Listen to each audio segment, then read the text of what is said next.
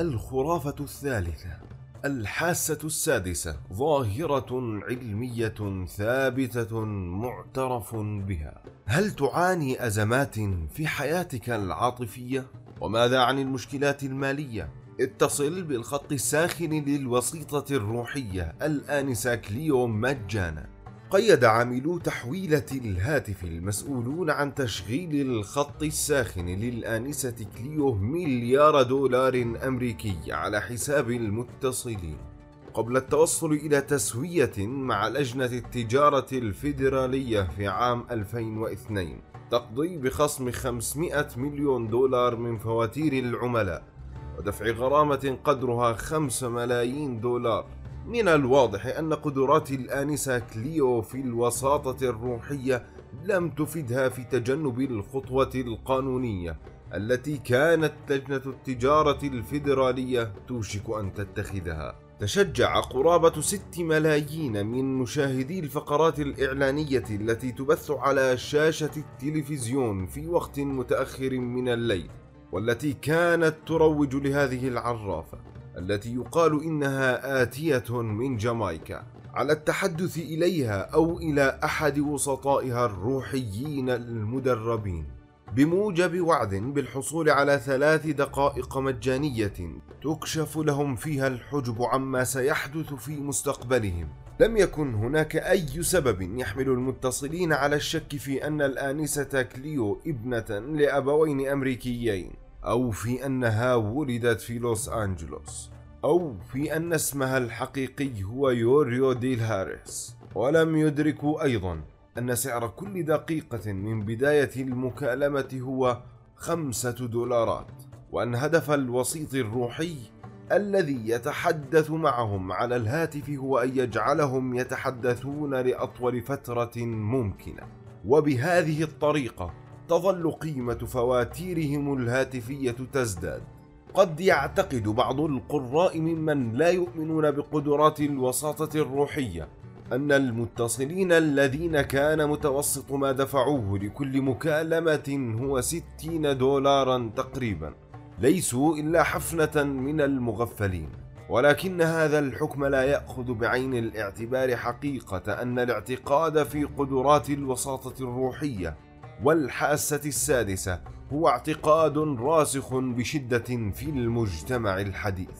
لم يكن الملايين الذين هاتفوا الآنسة كليو إلا شريحة صغيرة جدا من المواطنين الأمريكيين الذين يؤمنون بأن الحاسة السادسة حقيقة علمية ثابتة معترفا بها. أصبح مصطلح الحاسة السادسة الذي صاغه سير ريتشارد بيرتون في عام 1870 يعني المعرفة أو الإدراك دون استخدام أي من الحواس الخمس المعروفة. وأظهر أحدث استقصاء أجرته مؤسسة جالوب لاستطلاعات الرأي في هذا الموضوع. أن 41% من بين 1002 مواطن أمريكي بالغ هم من شاركوا في هذا الاستقصاء يعتقدون في وجود الحاسة السادسة. وأن واحد وثلاثون بالمئة منهم يؤمنون بفكرة التخاطر الاتصال بين العقول دون استخدام الحواس التقليدية وأن 26% منهم يعتقدون في الجلاء البصري وهو قدرة العقل على معرفة الماضي والتنبؤ بالمستقبل. ومن بين 92 من دارسي علم النفس التمهيدي قال 73% منهم إنهم يؤمنون بأن وجود الحاسة السادسة يستند إلى أسس علمية سليمة. تعرف نوعية التجارب التي تقيمها مثل هذه الاستقصاءات أيضا بالتجارب الخارقة للطبيعة أو التجارب المتعلقة بالباروسايكولوجي ويصف العديد من علماء الباراسايكولوجي وهم علماء النفس المعنيون بدراسة الخوارق التحريك العقلي أي القدرة على التأثير في الأجسام المادية أو العمليات بواسطة قوة التفكير بأنه أيضا إحدى القدرات الخارقة للطبيعة. ومع ذلك لا يندرج التحريك العقلي ضمن قدرات الحاسة السادسة التي تشمل التخاطر أي قراءة الأفكار والجلاء البصري أي معرفة وجود الأشياء أو الأشخاص المختبئين أو البعيدين.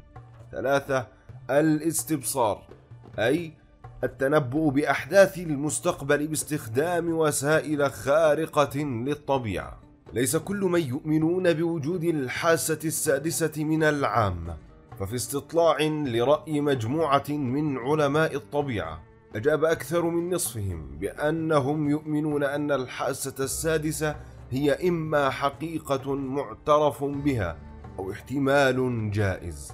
عام 1972 دفعت الحكومة الأمريكية 20 مليون دولار من أموال دافعي الضرائب لتمويل برنامج عرف باسم ستارجيت بهدف دراسة قدرة الرائين عن بعد. على الحصول على معلومات مفيدة عسكريا من المواقع البعيدة التي يتعذر الوصول إليها وذلك عن طريق الجلاء البصري. مثل منشأة نووية فيما كان يعرف بالاتحاد السوفيتي وقتها. كان ممثلو الحكومة يزودون الرائين عن بعد بالإحداثيات الجغرافية. خط الطول ودائرة العرض لمكان أو شخص أو وثيقة معينة. ثم بعدها يكتب هؤلاء الراؤون أو يرسمون أو يصفون أي معلومة عن الهدف يتمكنون من التقاطها بأذهانهم. وقد أوقفت الحكومة في عام 1995 برنامج ستارجيت حيث إنه فيما يبدو لم يجلب أي معلومة عسكرية مفيدة. ووسط الجدل الذي ثار حول هل الحكومة تهدر أموال دافعي الضرائب على هذا المشروع أم لا تولت لجنة فرعية رفيعة المستوى تابعة لمجلس الأبحاث القومي الأمريكي. مراجعة كل ما كتب على مستوى العالم عن الحاسة السادسة وانتهت إلى أن الحجة المؤيدة لوجود قدرات للوسطاء الروحيين كانت واهية. ولكن فكرة إنشاء برنامج من هذه النوعية من الأساس تبرز مدى انتشار مفهوم الحاسة السادسة بين الطبقة المثقفة. إذ كان الدعم العلمي المؤيد لوجود الحاسة السادسة بهذا الضعف سوف نعرض بعد قليل الأدلة التي تؤيد هذا الرأي. فلماذا إذا يعتقد في وجوده كثيرون؟ منذ الطفولة تلاحقنا المواد الإعلامية التي تتحدث دون أي تشكك عن التجارب الخارقة للعادة وتقدمها بصورة محببة. وقد صورت كثير من الأعمال التلفزيونية من نسيج الحياة اليومية وتشجع الأفلام السينمائية على الاعتقاد في الكثير من القوى الخارقة للعادة. وتذكر الكثير من كتب مساعدة الذات الشهيرة أن هناك مهارات روحية تكمن بداخلنا جميعا. وتروج هذه الكتب لأساليب بسيطة من شأنها أن تطلق سراح هذه القوى الكامنة بداخلنا وتجعلنا نصل بنجاح إلى درجة الحاسة السادسة. وتعرض شبكة الإنترنت للكثير من المواقع التي تقدم دورات تدريبية يتعهد مقدمها بأنها ستطور مهاراتنا الروحية وتعززها. على سبيل المثال ظهر إعلان عام 2005 عن برنامج Silva Ultra Mind Seminar. حلقة نقاش سيلفا للعقل الفائق. يقول إن المشاركين سيعملون في شكل فرق زوجية ويتعلمون استغلال الحاسة السادسة عن طريق ممارسة التأمل ويكتسبون مهارات تمكن كلا منهم أن يخمن حقائق مدهشة عن الآخر. من خلال القوى الخارقة للطبيعة. إن حاجتنا القوية إلى أن نؤمن بشيء أكبر منا بحقيقة تقع وراء ما تستطيع الحواس أن تدركه. تدعم الإيمان بوجود قوى خارقة للطبيعة. ولكن ربما كان السبب الأكثر تأثيرا في نشر الاعتقاد في وجود الحاسة السادسة هو أن تجاربنا الشخصية أحيانا تكون استثنائية للغاية لدرجة لا تقبل معها التفسير العادي. في دراسة أجريت على 1500 مواطن أمريكي بالغ زعم 67% منهم أنهم مروا بتجارب شخصية تتعلق بالجلاء البصري أو الاستبصار أو التحريك العقلي. التأثير الشعوري الذي تخلفه الصدف المثيرة وغير المتوقعة هو بلا شك أحد الأسباب التي تدفع الكثيرين إلى الاعتقاد في الحاسة السادسة. فقد ترى في منامك صديقتك جيسيكا التي لم تحدثك منذ سنين. وفي صباح اليوم الثاني تتلقى مكالمة منها. ربما تظن أن هذه الصدفة عجيبة للغاية وأنها لا بد أن تكون حاسة سادسة من نوع ما. ولكن الناس يميلون إلى الاستخفاف بفكرة أن مثل هذه الأحداث قد تحدث كثيرا من قبيل الصدفة وحدها. إذا كنت فردا ضمن مجموعة مكونة من 25 شخصا فما احتمال أن يكون اثنان منهم على الأقل ولدوا معا في نفس اليوم. سيدهش الكثيرون حينما يعرفون أن نسبة هذا الاحتمال تزيد عن 50% وإذا زدنا عدد أفراد هذه المجموعة ليصبح خمسة وثلاثون فاحتمال أن يكون شخصان منهم على الأقل ولدوا معا في نفس اليوم سترتفع إلى نحو خمسة وثمانون بالمئة. نحن نميل إلى الاستخفاف بحقيقة أن معظم الصدف تكون محتملة. وحينها قد نضفي على هذه الحوادث دلالة روحية زائفة. وكما ذكرنا في المقدمة يدفع بنا الإدراك الانتقائي والذاكرة الاختيارية إلى تذكر الأحداث التي تؤكد معتقداتنا وتجاهل أو نسيان تلك التي تنفيها.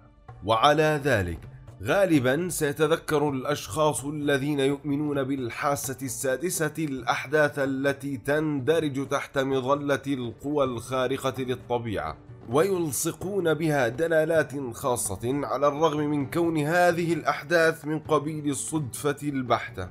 لقد علق توقيت مكالمة جيسيكا بذاكرتك لأنه لفت انتباهك.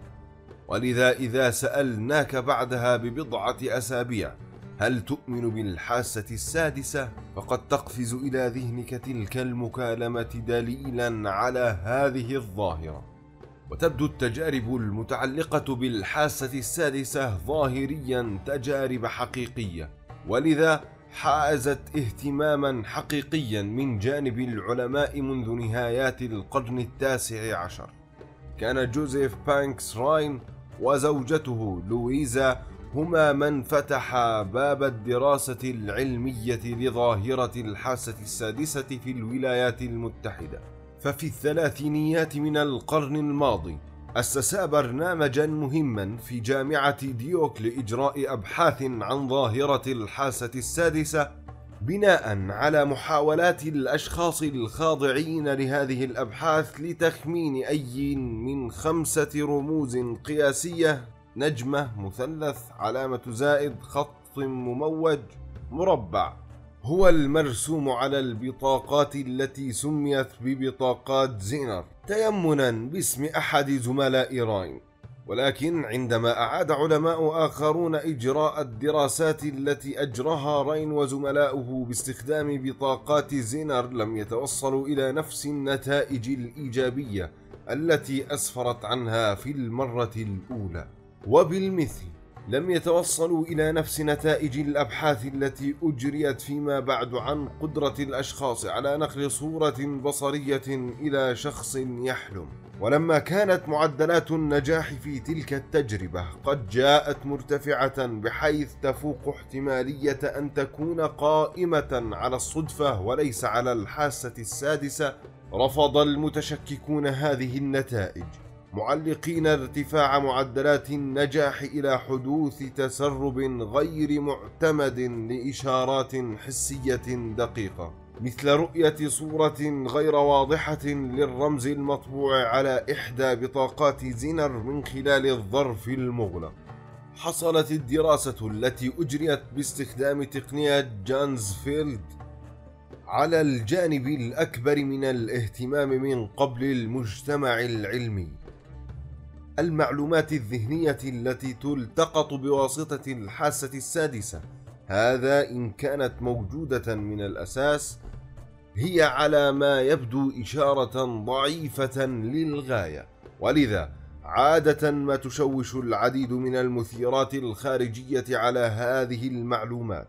ووفقا للمنطق المتبع في تقنية جانسفيلد نحتاج إلى خلق مجال حسي موحد يعرف بمجال جانسفيلد من الكلمة الألمانية التي تعني المجال التام. من أجل التقليل من درجة الضوضاء المتعلقة بالإشارة حتى تتمكن الإشارة الضعيفة للحاسة السادسة من الظهور. ومن أجل خلق هذا المجال الحسي الموحد يلجأ القائمون على تجارب الحاسة السادسة إلى تغطية أعين المشاركين بأنصاف كرات البينج بونج بعد أن يصلوا إلى حالة من الاسترخاء.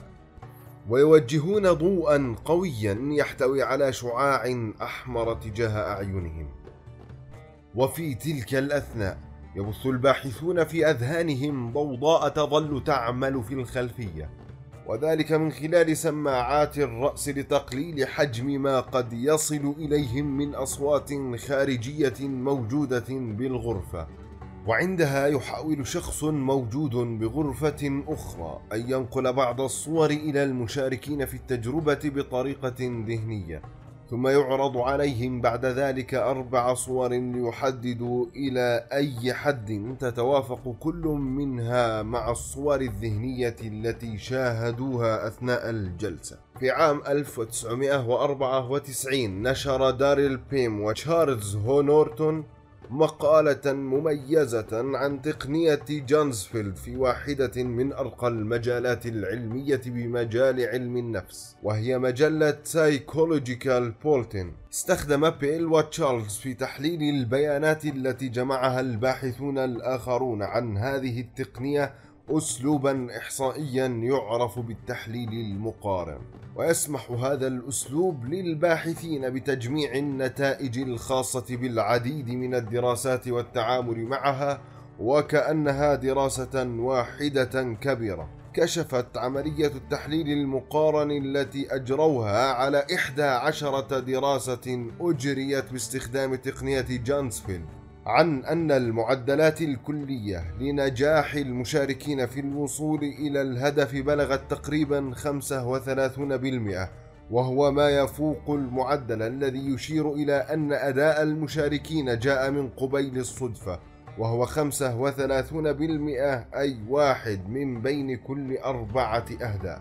ولكن لم يمر وقت طويل حتى قام ريتشارد وايزمان وجولي ميلتون في عام 1999 بتحليل بيانات 30 دراسة حديثة من الدراسات القائمة على تقنية جانسفيلد. لم يكن بيم وتشارلز قد راجعاها وقالا إن حجم ظواهر تقنية جانسفيلد يقابل بصفة أساسية الصدفة البحتة وفي عام 2001 رد لانس ستورم وسويت بيرت إيرتل. على ميلتون ووايزمان بتحليل مقارن آخر لبيانات 79 دراسة استخدمت تقنية جانسفيلد فيما بين العامين 1974 و 1996 مؤكدين على أن نتيجة تحليلهما تدعم القول بأن تقنية جانسفيلد كشفت عن وجود ظاهرة الحاسة السادسة. في ختام ذلك السجال العلمي من الحجج والحجج المضادة. ولنقل إنه يتناسب مع الأبحاث المستخدمة لتقنية جانسفيلد. رد ميلتون ووايزمان 2001 بقولهما إن الدراسات التي ضمنها كل من ستورم وإيرتل في تحليلهما كان بها عيوب منهجية خطيرة. ولم تظهر شيئا يتماثل مع ما أكداه. هل ستكون تقنية جانسفيلد هي الوسيلة التي سيظل يلجأ إليها علماء الباراسايكولوجي؟ من الواضح أن هذه المسألة لم تحسم بعد فكون علماء النفس قد حاولوا على مدار أكثر من 150 سنة أن يثبتوا وجود ظاهرة الحاسة السادسة وباءت محاولاتهم بالفشل هو أمر غير مشجع. يقول الكثير من العلماء إن الحاجز العلمي الذي يقف أمام الإقرار بوجود ظاهرة الحاسة السادسة يجب أن يكون عاليا جدا فوجود مثل هذه الظاهرة في حد ذاته يتعارض مع معظم قوانين الفيزياء المعترف بها الخاصة بالمكان والزمان والمادة.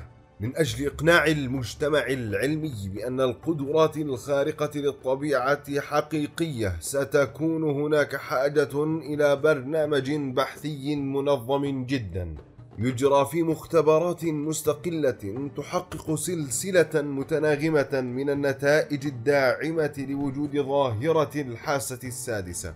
ومع أنه لا يجب أن ننكر وجود هذه القدرات بوصفها مستحيلة أو غير مستحقة ومع أنه لا يجب أن ننكر وجود هذه القدرات بوصفها مستحيلة أو غير مستحقة لمزيد من الاهتمام العلمي فإننا نوصي بعدم اتخاذ أي قرارات مصيرية بحياتنا بناء على مكالمة نجريها مع أحد الوسطاء الروحيين عبر الخط الساخن.